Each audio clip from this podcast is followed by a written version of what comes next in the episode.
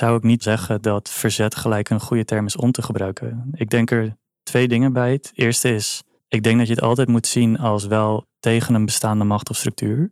Dus stel wij doen een actie en we gaan tegen de staat, dan doen we dat voor een systeemverandering en gaan we eigenlijk in verzet. We zetten ook ons burgerlijke ongehoorzaamheid daarvoor in. En het tweede is, en daar ga ik dus een beetje voorzichtig mee om. Ik denk dat het een zelfidentificatie is. Als we het alleen zien als het verzet van de oorlog, dan is het een, een tijdsvak of een groep. En het is heel contextgerelateerd aan de oorlog en de geallieerden toen, bijvoorbeeld. Maar als je het nu zo haalt en je dus ook een verzetstrijder noemt, dan geef je wel een soort grote lading aan de activiteit die je doet. Hoe blijf je drijven als je niet kunt zwemmen? Hoe haal je adem als je stikt? Ieder mens kan zich verzetten, maar een mens is nooit een held alleen. Volgens de brede definitie van het woord kan verzet in alle omstandigheden bestaan. In Nederland leven we in een samenleving waar vrijheid van meningsuiting een recht is. We mogen protesteren zolang dat binnen de grenzen van de wet gebeurt. Tijdens het schrijven van mijn boek las ik steeds vaker het woord verzet in krantenartikelen. Er is de afgelopen tijd heel wat geprotesteerd. Van klimaatdemonstraties tot boerenprotesten, Zowel links als rechts komen in opstand. Is dit verzet? Hoe denken de activisten daar zelf over? In deze aflevering ga ik in gesprek met Michel Rijinga, oprichter van Nederland in Verzet. Maar eerst spreek ik met de man die je net al even hoorde. Pim de Vleeshouwer. Hij is perswoordvoerder van Extinction Rebellion. Ik vraag hem of hij kan toelichten wat Extinction Rebellion precies is en wat ze doen. Ik denk dat het goed is om te beginnen met dat ik maar één persoon ervan ben. Dus eh, het is een decentrale beweging. En dat betekent dat er zijn algemene waarden en doelstellingen waar iedereen zich aan kan committeren. En als je dat vandaag doet, dan ben je eigenlijk al lid. Dus belangrijk binnen XR is ook dat je voor jezelf spreekt. We noemen het afgekort XR. En je spreekt niet voor anderen. Maar hoe werkt het dan als je een woordvoerder bent? Ja, ik spreek wel namens XR, maar ik zet er altijd bij dat ik meer voor mezelf spreek. En de groep vertegenwoordig in al zijn leden en inhoud. Het zijn eigenlijk een heleboel individuen met een gemeenschappelijke deler, zou je kunnen zeggen. En dat zijn de waarden waar jullie je aan vasthouden. Ja, dus we hebben tien principes. Daar hoort bijvoorbeeld uh, geweldloosheid bij. Of dat je inclusief bent um, en dat je op leren en reflecteren gericht bent. Daarbij zijn drie concrete doelstellingen. En dat zijn de eisen die we stellen aan overheid en bedrijfsleven. Dus de eerste daarvan is: spreek de waarheid. We willen niet dat mensen um, eromheen draaien, desinformatie verspreiden. De wetenschappelijke consensus is zo groot en we zijn zo op weg naar een klimaatcatastrofe. De urgentie daar is om nu de waarheid te spreken. En dan kom je ook bij punt 2, doe nu wat nodig is, act now, zoals we in het Engels zeggen. En dat zie je ook in punt 3, dus eis 3 naar voren komen, dat is een burgerberaad. De grote doelstelling achter een burgerberaad is ook de echte burgers laten beslissen en dat betekent praktisch de lobby eruit. Dus niet de grote bedrijven meer aan tafel. Ik zeg er altijd nog wel bij, er is een vierde onderliggende, dat komt neer op klimaatrechtvaardigheid. Dat is een concept, dat hoor je veel, maar eigenlijk is dat heel simpel te definiëren. Het betekent dat degenen die het meest last hebben van klimaatverandering, dus bijvoorbeeld de eilanden die nu al overstromen of de hittegolf die nu al de arme mensen in de wereld raken, zijn vaak niet de mensen die klimaatverandering gecreëerd hebben. Het zit vooral in het Westen en het zit vooral bij ons. En de klappen die nu al vallen en die het hardst gaan vallen en de mensen die het moeilijkst gaan hebben om met klimaatverandering om te kunnen gaan, die zitten vaak in andere landen en die hebben het vaak niet op hun geweten. Dus doe deze drie eisen, voer ze uit op een rechtvaardige manier. Dus, Extinction Rebellion is een beweging waar iedereen zich in principe bij aan kan sluiten. Zolang je maar de waarde in acht neemt.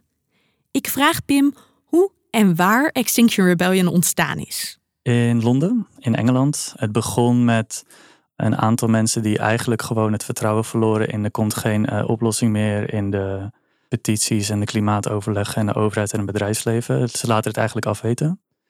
Dus er wordt niet genoeg ingegrepen en de urgentie wordt niet serieus genoeg genomen. Je hoort ook alle klimaatwetenschappers aan de noodbel trekken de hele tijd. En die zijn toen de straat opgegaan. Die hebben toen gedacht, we steken burgerlijke ongehoorzaamheid in. Dat is ons middel.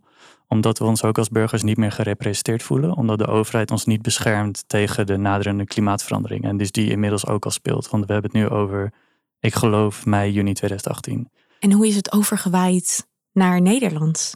Ik denk in een activistische vonk. Hier in Nederland begon het op de stadhouderskade ook in Amsterdam, of misschien daarvoor al iets. Dat weet ik niet precies uit mijn hoofd. Een activistische vonk, dat is mooi verwoord.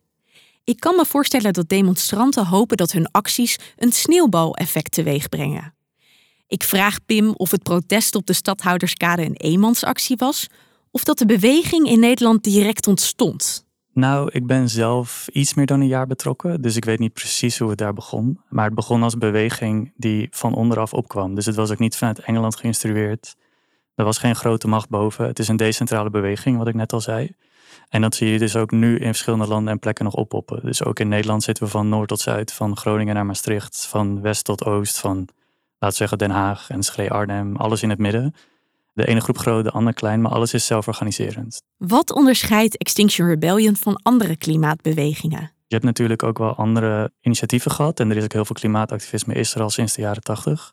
XR is vooral gericht op, we hebben gewoon het geduld en de tijd niet meer. Dat is ook een van de redenen waarom de zandloper het teken is, het logo van Extinction Rebellion. Ah, hier zegt Pim iets interessants.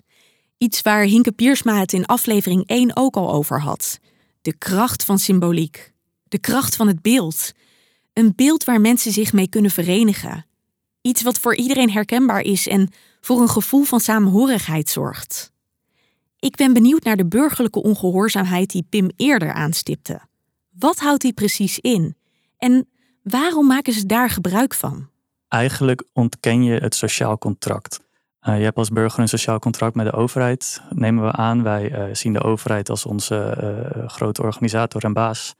Als zij onze rechten faciliteren en respecteren, dan zijn wij als burgers of als onderdanen zijn wij gemachtigd ons leven te leiden en wij machtigen de overheid dat te laten leiden. Maar de overheid leidt ons niet en beschermt ons niet. Die komt eigenlijk zijn mandaat niet na. En toen zijn een heleboel mensen gaan zeggen, dan hoeven wij ons ook niet meer altijd aan de wet te houden. Dat betekent niet dat we wetteloosheid maar gewoon rond laten vliegen. Het betekent dat we verantwoordelijk omgaan met onze acties, goed plannen. Maar wel dat we inderdaad het boel een beetje opschudden. Omdat het systeem hoe het nu werkt, dat gaat gewoon niet helpen. Kun je daar voorbeelden van geven? Hoe jullie dat inzetten? Zeker, dat is heel verschillend. Ik heb allerlei dingen gedaan en allerlei andere mensen hebben weer allerlei andere dingen gedaan. Dat valt allemaal dus onder dezelfde vlag, min of meer. Uh, het kan zijn dat je een weg bezet. Dat betekent dat je opschudding veroorzaakt of aandacht wil vragen. Um, je hebt legale democratische methodes zoals petities, klimaatmarsen. Dat hebben we ook gedaan en doen we ook nog steeds. We zijn laatst bijvoorbeeld ook nog weer gaan flyeren bij politici. En we proberen zowel lokaal als nationaal burgerberaad te faciliteren. Maar het legale gedeelte, dus alles binnen het systeem, alles wat netjes overzichtelijk is, dat heeft niet gewerkt. Dus we zeggen ook heel vaak tegen mensen die die burgerlijke ongehoorzaamheid vervelend vinden: dat snappen we. Het spijt ons ook dat we hier zitten. We willen hier eigenlijk niet zitten. We willen de aandacht vragen voor een probleem dat groter is dan de overlast die we vandaag creëren. Door een weg te blokkeren, door een weg af te zetten. En ook heel gericht op overheid en bedrijfsleven te werken. Dus je probeert bijvoorbeeld Shell te raken of de grote haven in Rotterdam. Dat is de grootste uitstootregio van ons land. 1 vijfde komt er bijna vandaan.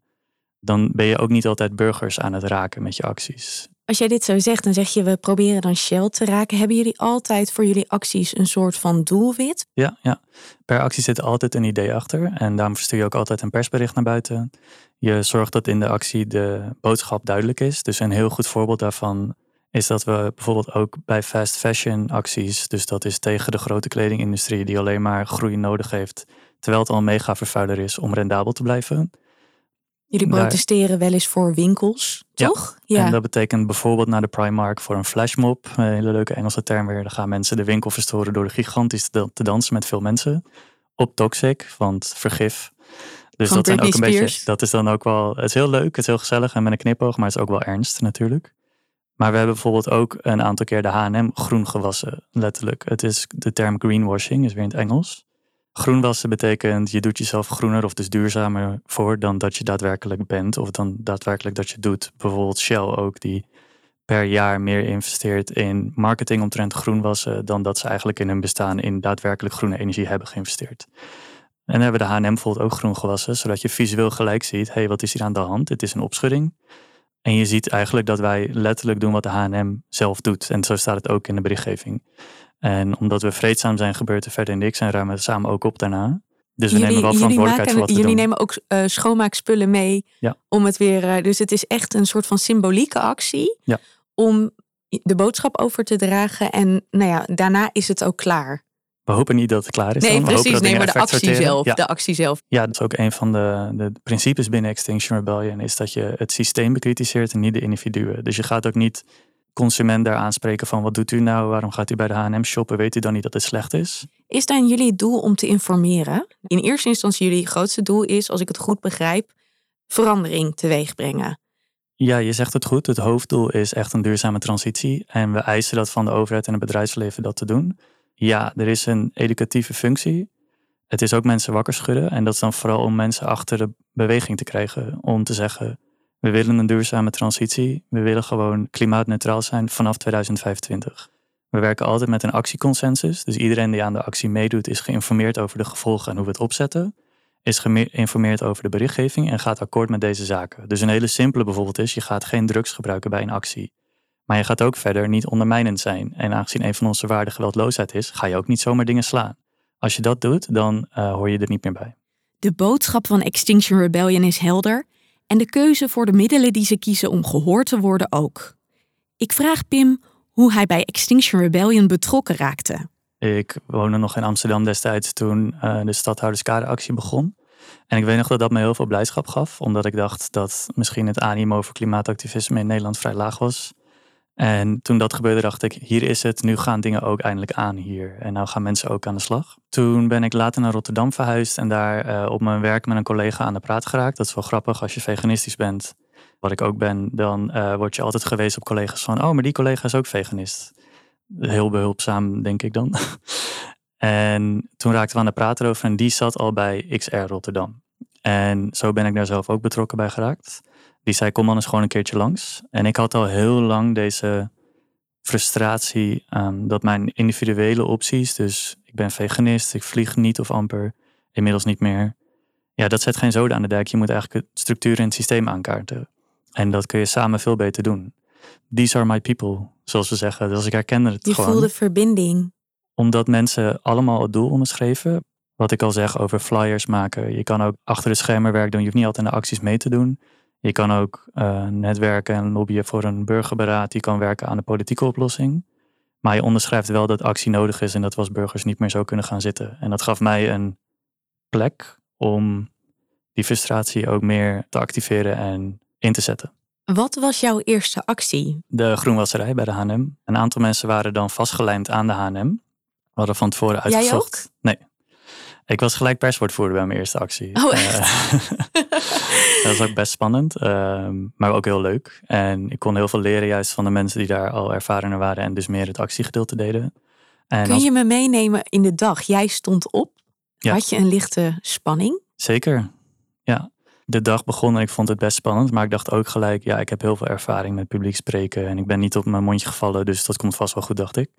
En als je zelf ook al denkt, nou, dan zeg je een keer wat verkeerd of je kan het zelfs helemaal goed zeggen en een journalist die verbastert het helemaal, so be it. Ik was eigenlijk wel relaxed. We gingen naar de H&M in Rotterdam en dat betekende dat we naar een filiaal gingen waar het publiek terrein was vooraf, want als je op privéterrein zit heb je natuurlijk een heel andere Andere rechten en andere regelgeving is het. Hoe Ja. je eh, verwijderd kan worden of dat je bijvoorbeeld aan eh, huisvredebreuk doet of niet. En publiek terrein is natuurlijk van ons allemaal. En eh, daar gingen een aantal mensen als eerste heen, want die moesten zich vastlijmen. En dat moet dan zo gebeuren dat je er wel zit en niet voorkomen wordt dat je daar zit. En die hadden dan shirts, witte shirts hadden van tevoren gemaakt, waarop zij met z'n vijf en zessen het ware beleid van H&M op een shirt hadden staan. Dus dan bijvoorbeeld een mega-uitstoter of mega-waterverbruiker, kinderarbeid, wat we weten van de kledingindustrie in Ethiopië, Bangladesh en andere plekken. Om die dus op de winkel te zetten, zodat je ziet, dit is H&M werkelijk. En dan was er één persoon die zou dan de verf, die we dus biologisch afbreekbaar zelf maken, die ook gewoon niet eh, schadelijk is. Die zou dat over de winkel en deze activisten smeren, zodat je net letterlijk groen wast, maar nog wel dat de tekst zichtbaar is. En verder, om ook een alternatief aan te kaarten, hebben we ook gezegd: het is niet alleen minder kleding kopen en het beter produceren, maar ook bijvoorbeeld meer gebruiken wat je al hebt. Dus er zaten ook een paar mensen te stikken en te naaien en aan mensen uh, te laten zien hoe dat zou kunnen, zodat je ook een als scenario goed laat zien. En mensen niet alleen aan het denken zet wat er slecht is, maar ook wat er beter kan. Merk je daarin ook dat je serieus genomen wordt? Dat er ook daadwerkelijk interesse is? Het verschilt een beetje per actie en per journalist ook en per medium. Journalisten zijn heel erg geïnteresseerd in wat voor hun interessant lijkt. Dus dingen die meer opschudding veroorzaken. Als er bij een actie arrestaties zijn bijvoorbeeld, dan is dat al veel interessanter. Of een visueel spektakel. Terwijl dingen die heel gedwee en rustig gebeuren, zoals het flyeren aan raadsleden, vinden ze dan niet zo interessant. Dus je weet al dat je te maken hebt met hoe je in de media komt, dan zul je aan bepaalde vormen moeten voldoen. En je brengt wel altijd zelf je frames en je boodschap naar buiten via persbericht. En jij moet soms proberen zo goed mogelijk te sturen dat je boodschap überhaupt in de media komt. Hebben jullie dan ook dat jullie denken, ja, dit heeft meer impact, dus dit gaan we nu inzetten met bepaalde acties? Nou, wij vinden alles interessant en wij willen graag juist alles naar buiten krijgen. Dus niet per se burgerlijke ongehoorzaamheid. Dus die zijn we juist ook aan het promoten, zodat mensen zien, we zijn niet alleen maar wegblokkeerders. En gezien de media dat zelf alleen maar interessant vindt, komen we zo over. En dat willen we wel ter verantwoording roepen van dat beeld dat wij uh, vooral voor sommige mensen best extreem kunnen overkomen, is niet het volledige beeld. Is verzet ook een woord wat jij zelf gebruikt? Eigenlijk nooit. Dat vond ik heel grappig op basis van je vraag. Het is iets wat ik zelf nooit gebruik. Maar dat betekent dus niet dat mensen binnen XR het niet gebruiken. Ik denk dat mijn persoonlijke connotatie ermee is dat ik er een beetje voorzichtig mee ben. Dus je kan heel veel dingen al verzet noemen. Je kan beginnen met een kind dat een instructie van diens ouders niet opvolgt, want die wil niet luisteren. Ja, dan kan je zeggen, die gaat al in verzet tegen zijn ouders. Je kan ook zeggen dat als wij een actie voeren en de politie wil ons verwijderen, dat de politie in verzet gaat tegen ons. Dus het is gewoon een soort tegenkrachtconcept. Interessante gedachte. Dan definiëren we verzet als tegenstand bieden. De brede definitie. Op deze manier ben ik dus voorzichtig met gebruiken van, omdat het zo breed is en breed inzetbaar. Terwijl het wel een concept is met een bepaalde connotatie. En ik denk vooral sinds de oorlog dat um, de tegenbeweging daar werd ook het verzet genoemd. En ik heb ook even voor de interesse gewoon verzetters in woordenboeken opgezocht voor dit interview. En daar stond ook dingen als gelijk verzetstrijder, guerrilla, tegenmacht. Vaak ook op een manier die geweld kan impliceren. Nou, dat zijn wij dus ook al niet. Je hebt ook verzet die het meer passief of uh, geweldloos is, zoals het bijvoorbeeld huisvesten van vluchtelingen. Dus er is heel veel in mogelijk en daarom kan het makkelijk overal bijgehaald worden, terwijl de connotatie best zwaar is. Pim kiest zijn woorden bewust. Burgerlijke ongehoorzaamheid in plaats van verzet. Roepen zijn daden van burgerlijke ongehoorzaamheid altijd hetzelfde gevoel op? Wat ik al zei, verzet of burgerlijke ongehoorzaamheid is altijd contextueel. Dus als ik bijvoorbeeld ga wildplassen, kun je zeggen, ja, het is ook burgerlijk ongehoorzaamheid. En wat wij doen is opkomen voor het algemeen belang. Die kracht zit er altijd in. Of je nou flyert of een wegblokkeert of alleen achter de schermen blijft en bijvoorbeeld spandoeken maakt of biologisch afbreekbare verf of een persbericht schrijft. Ik denk dat iedereen daar een rol in heeft te spelen en dat het grotere geheel het sterk maakt. En sommige acties voelen wel spannender. Als jij gaat flyeren, dan hoop je gewoon op goede gesprekken met mensen. Als jij je ergens een weg gaat blokkeren, dan is het veel spannender van wat er mis kan gaan. Of dan weet je ook dat op dat moment politie later zal komen. Het zal ook enigszins wennen. De eerste keer was het spannender dan daarna. En ik ben nu bijvoorbeeld ook meer gericht op andere nieuwe mensen die voor wie het dan nieuwer is. Zorgen dat ze goed geïnformeerd zijn en op een gemak zijn. We zijn binnen Extinction Rebellion heel erg gericht ook op wat we dan well-being, welzijn noemen. Hoe is je energie? Vind je het spannend? Zet je op een goede plek? Heb je honger of dorst? Kan ik iets voor je doen? Uh, we zijn deze actieconsensus zo ingegaan, maar wil je misschien nu toch weg omdat je het te spannend vindt? Dat is allemaal heel belangrijk, dat je bij elkaar incheckt. We zijn een gemeenschappelijke kracht die opkomt voor klimaatrechtvaardigheid. Zou dat voor jou ook anders voelen als je echt alleen hiervoor zou staan? Ik zou niet weten hoe dat voelt. Nee, als ik. Uh, ik kan me niet voorstellen dat de beweging dan ineens weg is. Zou je dan ook kunnen kiezen voor burgerlijke ongehoorzaamheid als het een eenmansactie is? Zeker. Een van de dingen die Extinction Rebellion in het verleden ook heeft gedaan was rebellie van één. Hoewel het verzet van Pim niet plaatsvindt binnen een dictatoriaal regime, voel ik bij hem, net als bij Linda en Jaber, de urgentie om in opstand te komen. Pim staat met volle overtuiging achter de boodschap van de beweging. Het is ook dat we vaak tegen mensen zeggen: we zetten onze tijd, of vaak vrije tijd. Want het is of tijdens werkuren dat je een vakantiedag neemt, of niet naar je college gaat, of tijdens vrije uren of in het weekend. Je hoort heel veel frames van: ja, dit zijn beroepsdemonstranten. Nou, dat uh, vond ik altijd heel fijn om dan mensen op straat dan tegen te zeggen: dit doe ik naast mijn 36 uur werk. Dus uh, hoe gaat het verder met u? Mensen komen binnen vaak om verschillende redenen, maar twee hoofdredenen zijn klimaatdepressie. Dus wanhoop. waar gaan we in godesnaam naartoe en waarom sturen we niet bij? En wat ik zelf ook had, klimaatfrustratie, boosheid, geef het ergens een plek zodat je er wat mee kan. In plaats van het op jezelf de hele tijd blijven betrekken en malen en gefrustreerd zijn. Waar Pim alles heel mooi weet te verwoorden, laat hij nu zien dat het niet alleen om ratio gaat. Er zit bij hem een diep geworteld gevoel van zorg om de wereld. Hoe ver zou hij gaan voor zijn doel? Waar ligt voor Pim de grens?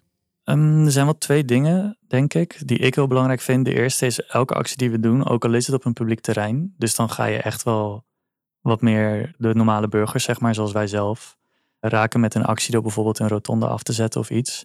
Dat is een middel waarmee je ook al weet dat je veel weerstand kan creëren. Dus dan moet je het wel heel goed opzetten. Als we dat zomaar blijven doen of ons vooral daarop focussen, dan denk ik niet dat dat handig is. En dat bedoel ik zowel strategisch als gewoon in menselijkheid. Dat moet je ook denk ik niet willen. Ik denk dat je beter kunt richten op de instituties en daar kan een wegblokkade bij horen. Maar dan moet het bericht en de, de berichtgeving erover in ons frame moet heel duidelijk zijn waarom we dat dan doen. Maar we moeten denk ik wel echt opletten dat we niet heel veel mensen alleen maar antagoniseren of tot vijand of potentiële tegenstander maken doordat we hun weg blokkeren zonder echt goede reden. En wat ik zelf heel belangrijk vind, en dan kom ik weer een beetje bij die regeneratieve cultuur.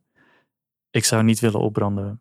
En het is heel verleidelijk, niet omdat het zo tof is om op te branden, maar omdat het een onderwerp is dat nooit rust, dat super belangrijk is, dat iedereen activeert, of dus juist wanhopig maakt en demotiveert, waar je altijd op door kan gaan en altijd meer aan kan doen. En daarom zijn meerdere mensen ook wel zichzelf voorbij gerend. Het is een bekend fenomeen binnen activisme, zeker als je gewoon een druk leven hebt, dat het best wel veel eisend kan zijn. En in regeneratieve cultuur proberen we te kijken, je kan een goede activist blijven door ook juist op je energie te letten. Zelfzorg is voor Pim een belangrijke voorwaarde om zijn activisme te kunnen blijven uitvoeren. Ik kan me voorstellen dat het op de barricade staan om een lange adem vraagt. Zeker als het niet als een keuze voelt, maar iets is wat je moet doen om de aarde te redden.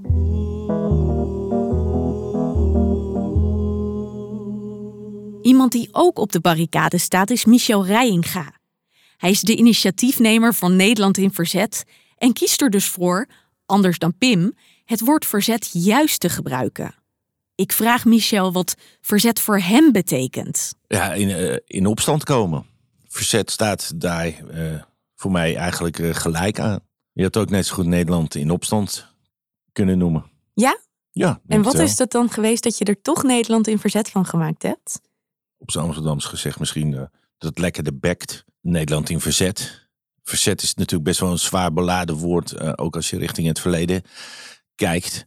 Ja, en ik denk dat dat de beweegreden is geweest om, om, om het toch verzet te noemen. Ja. Dat je voelt van er zit een zwaarte aan en die willen we gebruiken? Of is het meer dat je denkt van ah ja, maar dan wordt het serieus genomen? Ik denk dat het zo dicht bij elkaar ligt in opstand en verzet dat het allebei serieus genomen wordt en, en dat er bijna geen verschil in, in, in, in zit.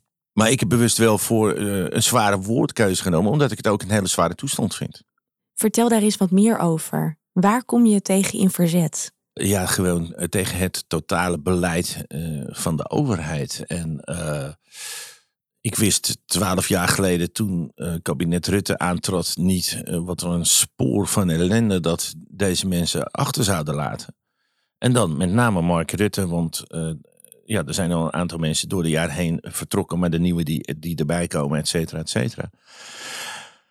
En, en eigenlijk werd ik het meest daar wakker van, om het maar zo te noemen. Um, toen ik in 2018 hoorde dat het Slotervaartziekenhuis en een aantal andere ziekenhuizen uh, uh, ophielden te bestaan. En um, dat kan voor mij gewoon niet.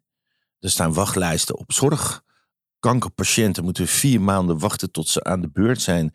En hoe kun je dan ziekenhuizen gaan sluiten?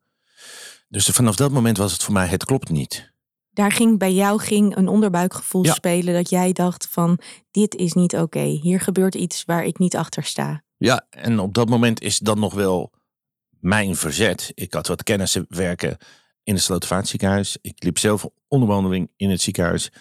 En dan doe je het eigenlijk nog meer voor die mensen en voor het totaalbeeld een beetje. Maar uiteindelijk, uh, nadat dat twee jaar zo doormodderde, en dat je twee jaar wakker bent, maar je hebt, ik heb echt gewoon twee jaar, ben ik nou zo gek? En, en- Je ging aan jezelf twijfelen. Nou, dat niet.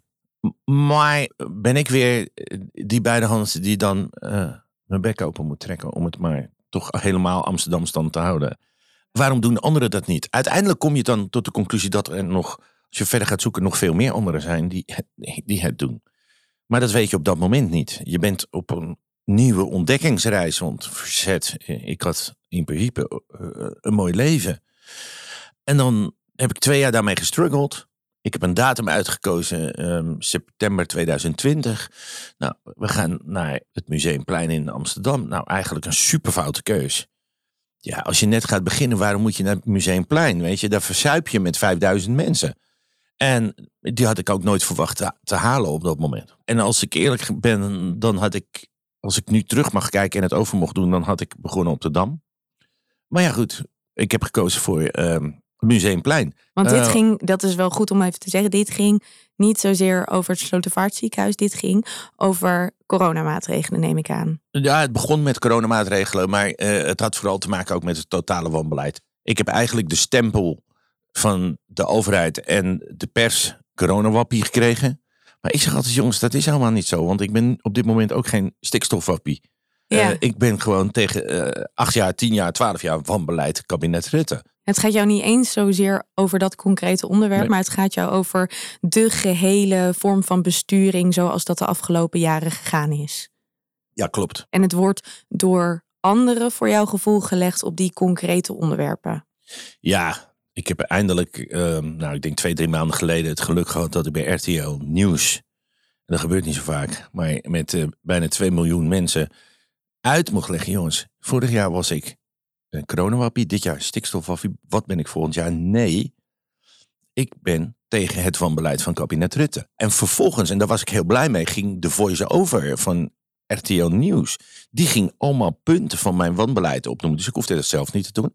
En eh, op een of andere manier, die, die suffe mensen in de huiskamer, die, die hebben toch meer vertrouwen in die stem van, van RTL dan in mijn stem. Als ik goed naar Michel luister, dan voelt hij zich in de steek gelaten door de overheid. Net als Pim. Ze hebben een andere boodschap, maar voelen zich allebei niet gehoord. Wat zijn de middelen die Michel inzet om zijn boodschap over te brengen? Nou, het is wel begonnen natuurlijk met demonstreren. Ik zette voor eh, januari 2021 de demonstratie op het Museumplein neer. Ja, dat was de verwachting gewoon 25.000 plus. En toen konden ze natuurlijk corona gebruiken als zijnde van ja, het mag niet doorgaan. Nou, een kort geding gehad. Nou, daaruit is de term koffiedrinken in Amsterdam ont- ontstaan. Men gebruikt nog wel eh, elke zondag eh, het Museumplein om koffie te drinken. En de ene keer staan er 50 en de andere keer staan er 500. Maar ik zie dat bijna meer als een ontmoetingsplaats voor gelijkgestemden op dat moment. Zelf gebruik ik alleen de, de term koffie drinken op het moment dat bepaalde dingen verboden worden. Want als er een verbod mij opgelegd wordt om te demonstreren, dan mag ik nog steeds koffie drinken. En dan weet iedereen inmiddels wat ik bedoel. En dat was natuurlijk in januari 2021 wel even tricky. Want ja, we mochten niet demonstreren. Maar ja, ik ben Amsterdammer en ik mag koffie drinken. En ik mag dan niet zeggen, kom jij ook? Maar het signaal is wel opgepakt. En het was geen overschrijding van de regels. Want van de wet mag je koffie drinken. Op dat moment moet je anderhalve meter afstand houden. En dat ging goed. Alleen de eisen die de overheid weer stelde van ja, we gaan stippen zetten en jullie moeten op de stippen gaan staan. Hey, sorry, dat gaat mij te ver. Ik weet wel en de rest ook wat anderhalve meter is. In een tijd waarin demonstreren niet of onder bepaalde voorwaarden toegestaan was, zocht Michel naar een manier om dat toch te doen. Het gevoel door de overheid niet gezien of gehoord te worden werd versterkt door het beleid van dat moment. Je zou het kunnen zien als een visieuze cirkel. Een reactie op een reactie op een reactie. Demonstreert Michel nog steeds? Of zet hij tegenwoordig andere vormen van verzet in? Ik wou graag refereren aan de woorden van eh, Karel van Wolveren, die die dan ehm, eind september uitsprak. Die zei van, het begon daar zo heel goed met het demonstreren. Dat is een heel mooie vorm van protest of verzet. Maar op een gegeven moment verwatert dat. En dan is de kracht eraf en het heeft ook geen nut meer. Daar lopen natuurlijk discussies over van heeft dat nog wel nut, heeft dat nog niet nut. Ik vind, als je wat er nu de afgelopen zomer plaatsgevonden heeft met 2, 3, 4.000 mensen elke eerste van de maand gaat lopen. Ik vind de kracht eraf. En eh, dat werd bijna, naar mijn idee, eh, inderdaad gezellig koffie drinken. En eh, ik doe het niet voor het woord gezellig. Verzet mag eh, nooit gekoppeld worden aan het woord gezellig. Het is wel zo dat mensen er bepaalde energie uithalen. Men leeft best wel als andersdenkende op, eh, op een eiland. En dus als die mensen elkaar tegenkomen, dan zijn ze helemaal blij en hebben ze energie aan het einde van de dag prima. Dus samenhorigheid daarin. Ja, samenhorigheid, absoluut. De kracht is eraf. En dan moet je andere dingen gaan doen.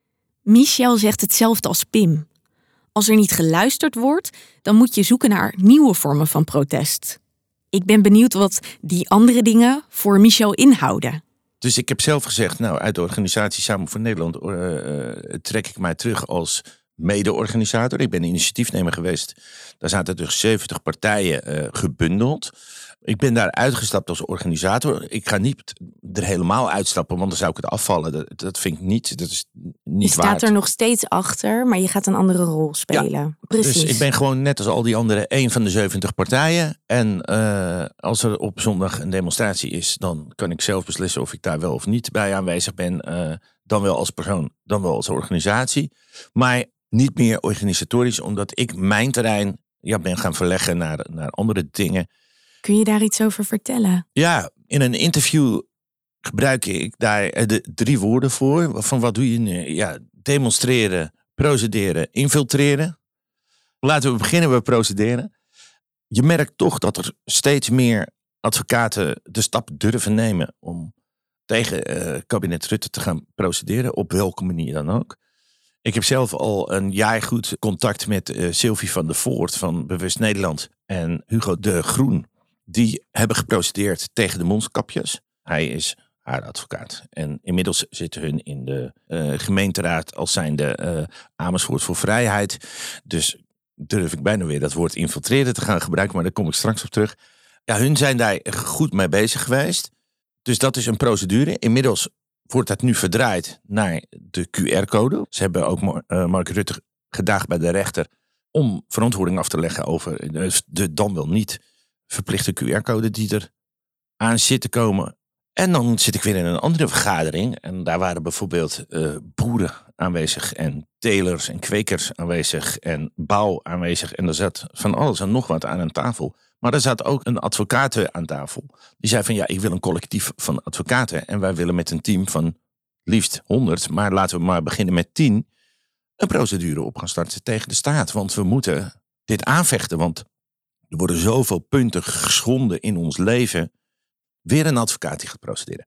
En laat ze maar allemaal procederen. Want het zijn allemaal speldenprikjes.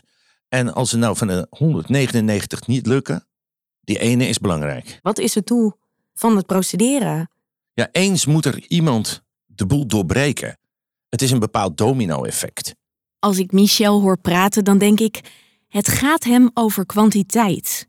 Om de hoeveelheid mensen die in opstand komen tegen het beleid van de afgelopen jaren. Samen sta je sterk. Michel noemde infiltreren ook als vorm van verzet. Ik vraag hem dat toe te lichten. Ja, nou ja, dat is politiek. Ik vind het een verschrikkelijke stap. Want ik heb er wat leukers te doen dan eh bij wijze van spreken in de Tweede Kamer te staan. Jij wil geen politicus worden Eh, nee, zeker niet. Er zijn er echt meerdere eh, gemeenteraden waar wij gewoon ja, informatiebronnetjes hebben. Maar ja, de provinciale staten zitten eraan te komen. En dan ga, daar gaan er echt meer in dan dat er in de gemeenteraad zitten. Dus dan krijgen we weer wat pionnetjes erbij. En daar komt informatie naar buiten die je normaal gesproken niet weet.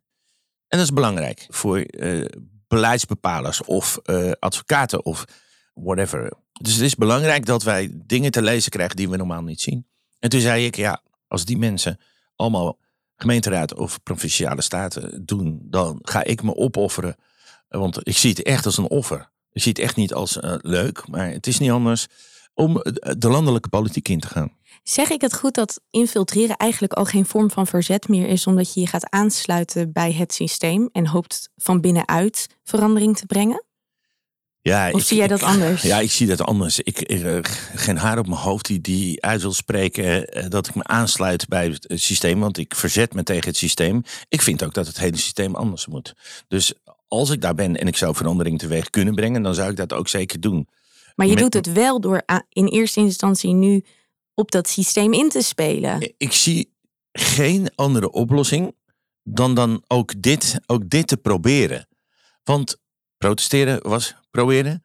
ehm, procederen is proberen. En ik zie ook die politiek als proberen. En ja, dan moeten we kijken of we op die manier het systeem omver kunnen krijgen. Als ik jou zo hoor, dan zeg je: Ik wil eigenlijk helemaal geen politicus worden. Klopt het dat jij in de loop van de tijd, in de vijf jaar dat jij nu concreet hiermee bezig bent, echt wel grenzen verlegd hebt? Ja, natuurlijk verleg je die. Je, je gaat dingen doen die je normaal niet doet. Het beste voorbeeld is voor mij Brussel.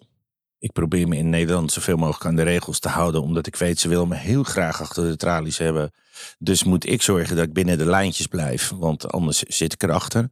Jij Want- hebt het gevoel, of tenminste jij zegt: Ik word in de gaten gehouden. Nou ja, ik ben al een keer van de snelweg afgereden met een arrestatieteam. En dat is krom. Ik wil vragen: hoe voelt het voor jou? Ik heb, het niet, ik heb het niet erg gevonden. Want ik weet waar ik mee bezig ben. Want dat is het risico van het vak. Alleen ik probeer wel altijd op, op dat lijntje te blijven. 10, 15 jaar geleden was mijn kritiek al bij een Geert Wilders bijvoorbeeld van... jee, wat zonde dat hij over dat lijntje gaat. Ik begrijp ik, negatieve publiciteit is ook publiciteit. Maar door er net even iets te ver over te gaan... maak je vaak meer kapot... waardoor je net even niet die eindspurt haalt. Dit staat haaks op wat Pim vertelde over burgerlijke ongehoorzaamheid. Daar gaat het er juist om om over dat lijntje te gaan. Al zijn er wel duidelijke regels en grenzen in wat er wel en niet kan. Michel zou dat misschien ook wel willen, maar hij voelt die vrijheid niet. Omwille van de consequenties, maar Michel noemde net Brussel. Gaat hij daar wel over het lijntje? Gelden daar andere regels voor hem? Er was een demonstratie in Brussel. En ik heb nog nooit zo'n lange route. Die Belgen doen het toch even anders dan in Nederland. In kilometers? Ja, joh, bizar. Eh, die, die gingen 15 kilometer lopen. Nou, dat doen wij al überhaupt nooit in Nederland. Alleen, hun doen het dan ook echt als een Belg. Je eindigt niet waar je begonnen bent. Dat betekent dus dat je ook nog 15 kilometer terug moet.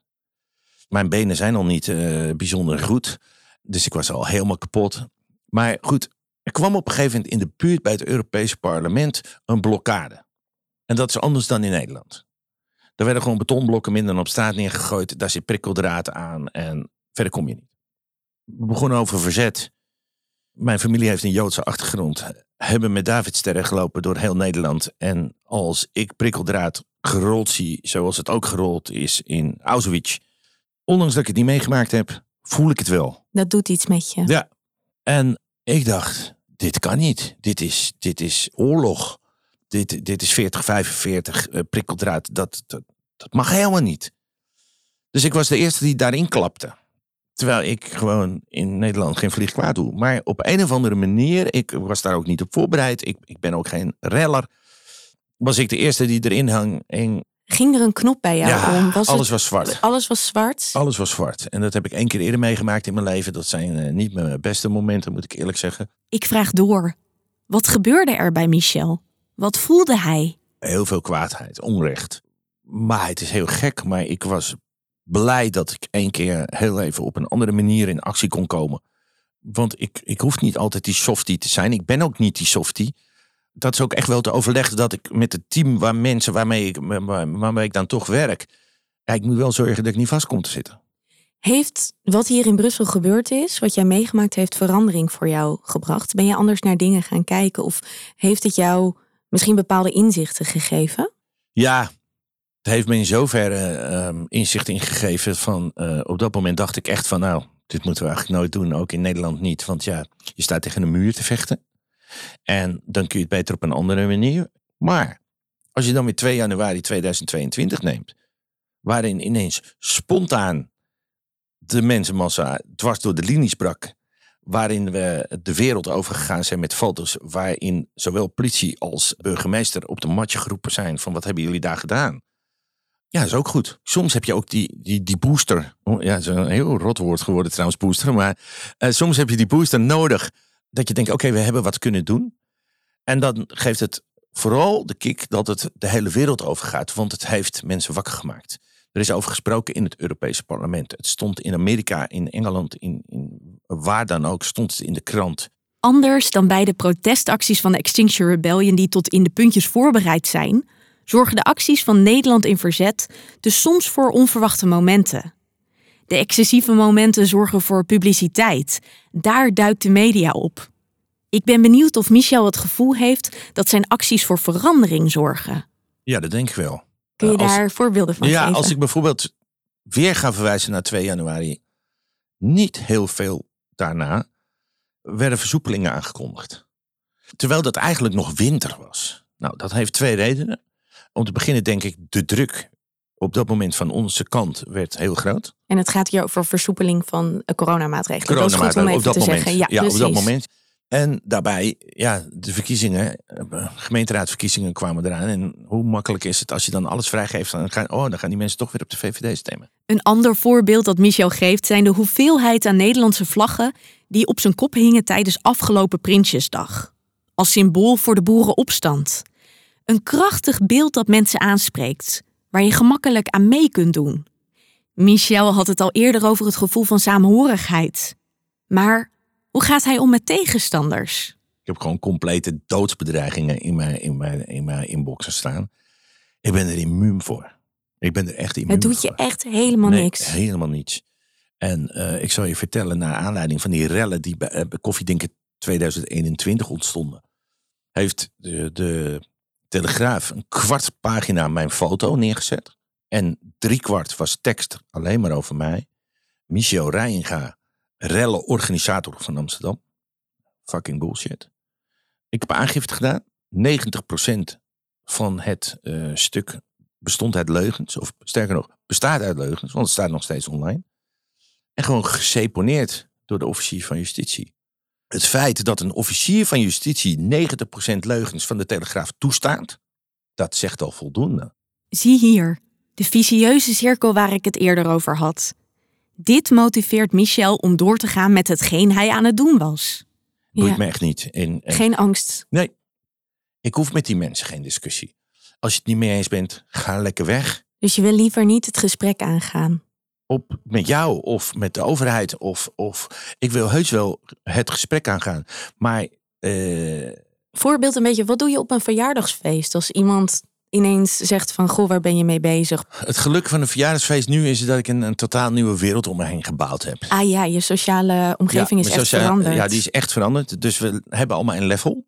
En als ik bijvoorbeeld even mijn, mijn oudste dochter neem, eh, die staat daar totaal anders in dan ik. Wij hebben het er gewoon niet over. Want je kunt er eigenlijk alleen maar ruzie over krijgen. Agree to disagree, dat is Ja. wat jullie doen. Denk je ook dat er op den duur met je familie of andere naasten die anders over denken een gesprek mogelijk is? Ja, dat zou wel mogelijk zijn. Wat alleen, zijn daar voorwaarden voor om dat te gaan doen? Nou, die, die, die heb ik niet eens. Alleen ik denk dat ik er geen zin en geen tijd voor heb. Michel richt zich concreet op de mensen die het verschil kunnen maken. De macht. Dus gaat hij in verzet. Hij vertelt dat zijn medestrijders allemaal totaal verschillend zijn. De gemene deler is de strijd tegen het wanbeleid van de overheid. als je dan bijvoorbeeld eh, mensen als een Karel van Wolveren ziet, die bijna 80 zijn, of misschien wel 80 zijn. Maar ik begeleid bijvoorbeeld ook de Bovenwijsbond. Dat zijn gewoon studenten van 20. En de een leeft mega alternatief. En de ander die leeft in luxe. En in alle soorten, maten, kleuren hebben wij ze door elkaar lopen. Eigenlijk zijn we allemaal in verzet. Alleen ieder op zijn eigen manier. En dat is ook een van de belangrijkste standpunten bij eh, Samen voor Nederland. Iedereen moet zijn eigen identiteit kunnen bewaren.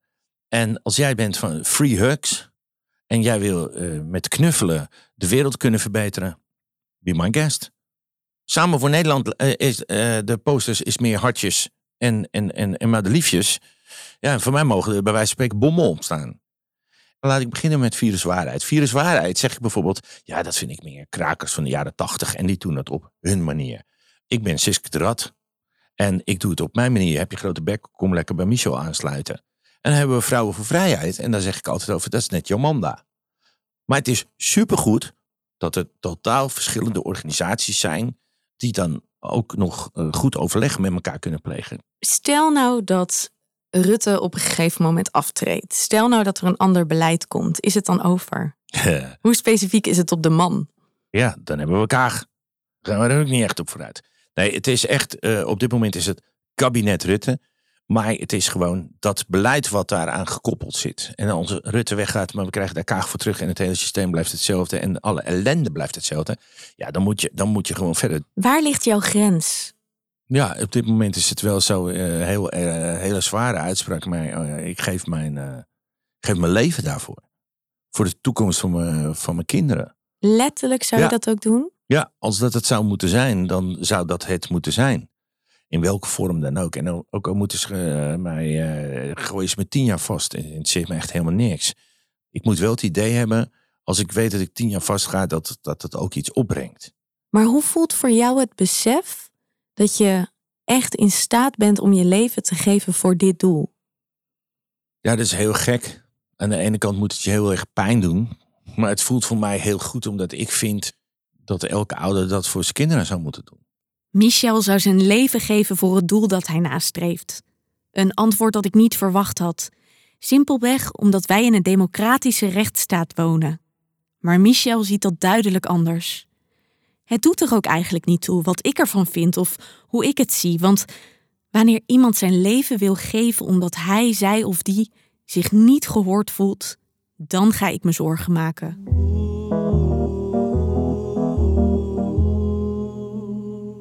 Ik sprak met twee totaal verschillende mannen, allebei wel bespraakt, maar op een andere manier. Over het gebruik van het woord verzet verschillen ze van mening. Juist vanwege de geschiedenis eigent Michel zich het begrip toe, maar om diezelfde reden neemt Pim er afstand van. Beide levens staan in het teken van de missies die ze najagen, binnen en buiten de regels. Nu ik verschillende mensen over diverse verzetsbewegingen gesproken heb, maak ik in de vijfde aflevering de balans op. Zijn alle verzetstrijders helden? Kunnen we überhaupt spreken in termen van heldendom? Je hoort het in de laatste aflevering van In Verzet. In Verzet is een initiatief van mij, Annemiek Lely. Ik wil graag mijn gasten van deze aflevering, Pim de Vleeshouwer en Michel Rijinga, bedanken. De serie werd geproduceerd door Collected Works. De technische ondersteuning tijdens de opnames, eindmontage en mixage was in handen van popuppodcast.studio. De soundtrack werd gemaakt door Collectief Maktoep en Merel Ooms en Benno Hoogveld ontfermden zich over de eindredactie. Bent u benieuwd naar mijn boek? Het koffertje van oom Tom is te koop bij uw lokale boekhandel. De totstandkoming van de serie werd financieel mogelijk gemaakt door het V-Fonds, Sena Muziekproductiefonds, Prins Bernhard Cultuurfonds, Ben van Bohemen van der Zwartfonds, Stichting Democratie en Media en het Hendrik Muller Fonds.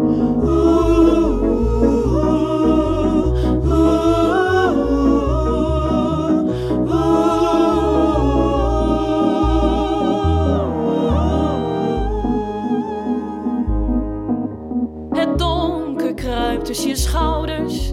Het wapen hapert in je hand. Als verzet zich tegen je kan keren. Wat is dan de goede kant?